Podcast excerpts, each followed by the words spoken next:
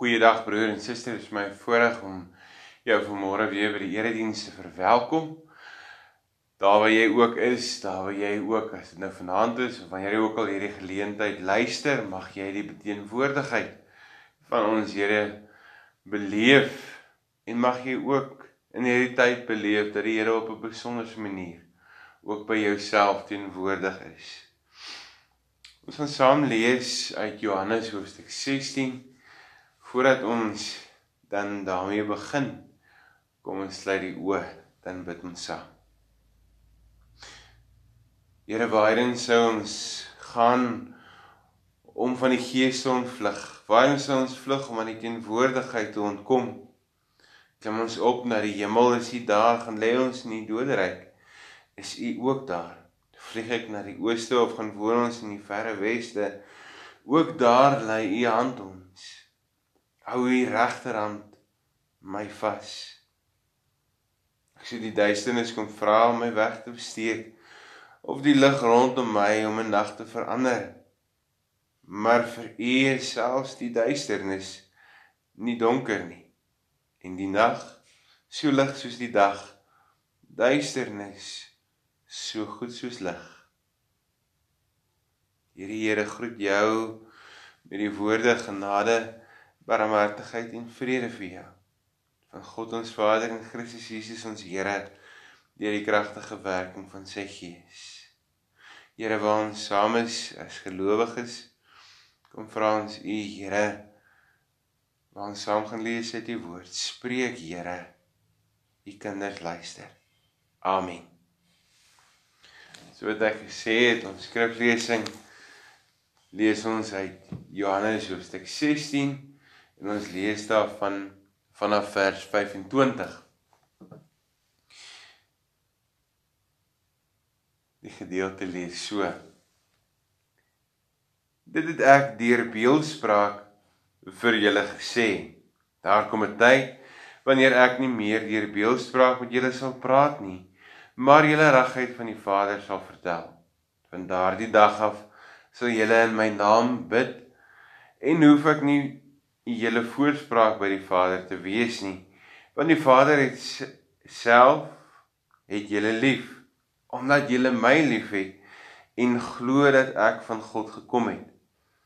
Ek het van die Vader gekom en ek is hier in die wêreld. Nou verlaat ek weer die wêreld en gaan ek na die Vader toe. Sy disippels sê toe: "Kyk, Nou praat hy regheid en gebruik nie breelspraak nie. Nou weet ons dat hy alles weet en niemand hoef u verder uit te vra nie. Ons glo nou dat u van God gekom het. Daarop sê Jesus vir hulle: Glo julle nou? Kyk, daar kom 'n tyd en dit is nou al hier dat julle uitmekaar gejaag sal word, elkeen sy eie koers in en dat julle my alleen sal laat. En tog is ek nie alleen nie, omdat die Vader by my is. Dit sê ek vir julle sodat julle vrede kan vind in my. In die wêreld sê julle dit moeilik hê, maar hou moed. Ek het die wêreld klaar oorwin. Tot sover ons skriflesing van môre. In hierdie gesprek wat Jesus met sy disippels het, sien ons die disippels se geloofservaring wat met die loop van hulle ontmoetings met hulle on verloop van hulle lewe saam met Jesus so bietjie aan onderskeie vlakke gedeel kan word. En in hierdie gedeelte sien ons drie geloofs dele drie dele van hierdie uh geloofs onderskeiding wat hierdie wat die disippels het. Die eerste een wat hulle wat wat wat hulle op neerkom of wat hulle beleef, wat hulle self voor praat is die geloofskennis, dan 'n geloofsbelijdenis, die tweede een en dan laastens 'n geloofsvertroue. En as ons oor dit praat, moet ons mekaar vra maar wat is geloof? Waaroor gaan ons eie geloof? Hoekom glo ek? Meer spesifiek dalk glo ek nog in God, die God wat hemel en aarde gemaak het. En kan ek en nie met hierdie God nog in 'n verhouding staan na aanleiding van dit wat ek beleef, na aanleiding van dit hoe die wêreld lyk, na aanleiding van dit wat gebeur? Kan ek nog in hierdie God glo? Die geloof wat ek in God het, het op die ouende van die dag 'n direkte effek op dit wat ek en jy doen, op die manier hoe ons in hierdie wêreld optree.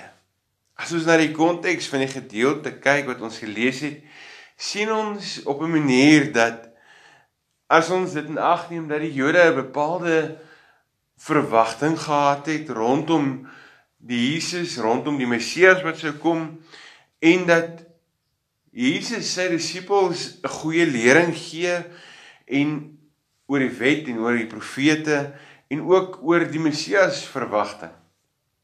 En Jesus kom op 'n manier en soos wat ons in die evangelies hoor, kom vervul hy hierdie wet en ook die profete.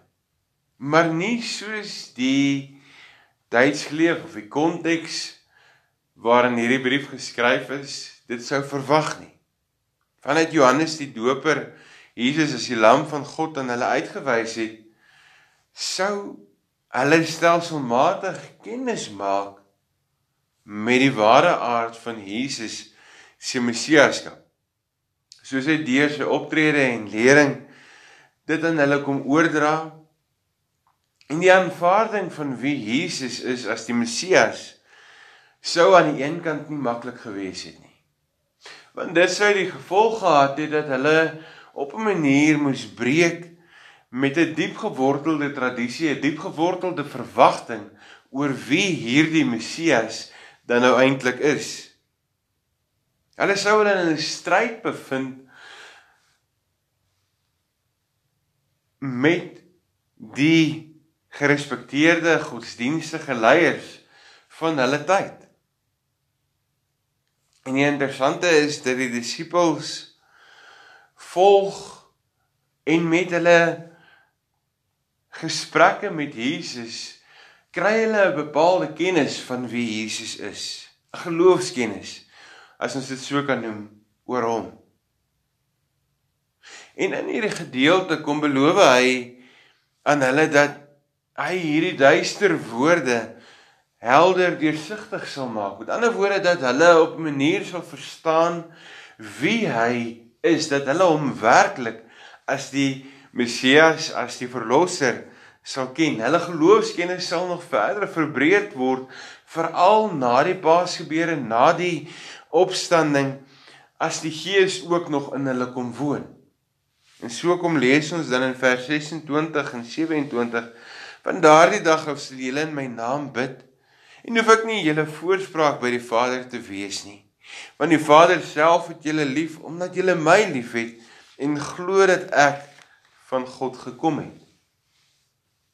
Die disippels se kennis, hulle geloofskennis sit om op in die ouene van die dag in geloof en 'n verhouding met die lewende Here, met die drie enige God.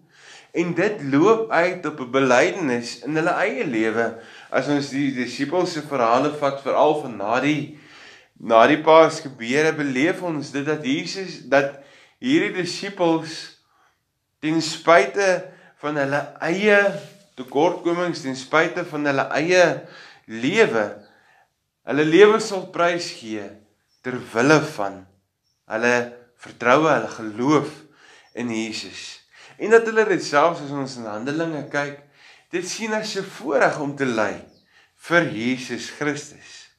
En dit bring ons by die derde deel waaroor ons so bietjie praat is om te sê maar as ons praat oor 'n geloofskennis wat oorgaan na geloofsbelijdenis, gaan dit ook oor na geloofsvertroue. Dat ek en jy of die disippels in hierdie spesifieke geval by die punt sal kom dat hulle sal vertrou. Dat hulle sal uitleef die geloof omdat hulle God, omdat hulle Jesus leer ken het, omdat hulle die belydenis maak dat hulle in hom glo, sal hulle ook by daai belydenis, daai belydenis leef om te sê maar ten spyte van die tekortkomings en spyte van hierdie wêreld sal ons dit uitleef. Sal ons vertrou. Die disippels, as ons soos die disippels in hierdie verhaal en hierdie gedeelte wat ons lees sien oor ons Jesus wat vir hulle sê maar ten spyte van hulle ywer, ten spyte van hulle dryf sal hulle tog struikel, sal hulle tog val. Maar ten spyte daarvan sal hy nog steeds voortgaan met sy roeping, dit waarvoor hy as Christus as Messias gestuur het, want een ding staan uit en dit is dat die Vader by hom is. Sy geloof en vertroue in die Vader sou nie wankel nie. En daarin lê die waarborg vir ons ook in ons eie geloofsvertroue dat God ons nooit in die steek sal laat nie. Die disippels het hierdie geloofskrisis maar genadiglik is dit kort van duur. Want gedurende daardie 3 dae van Jesus waar hy gekruisig is, waar hy dood was en waar hy opgestaan het, het hy die dood en die sonde oorwin deur sy lyding, sterwe en opstanding. En daarna, na daardie naweek sou niks weer dieselfde wees nie.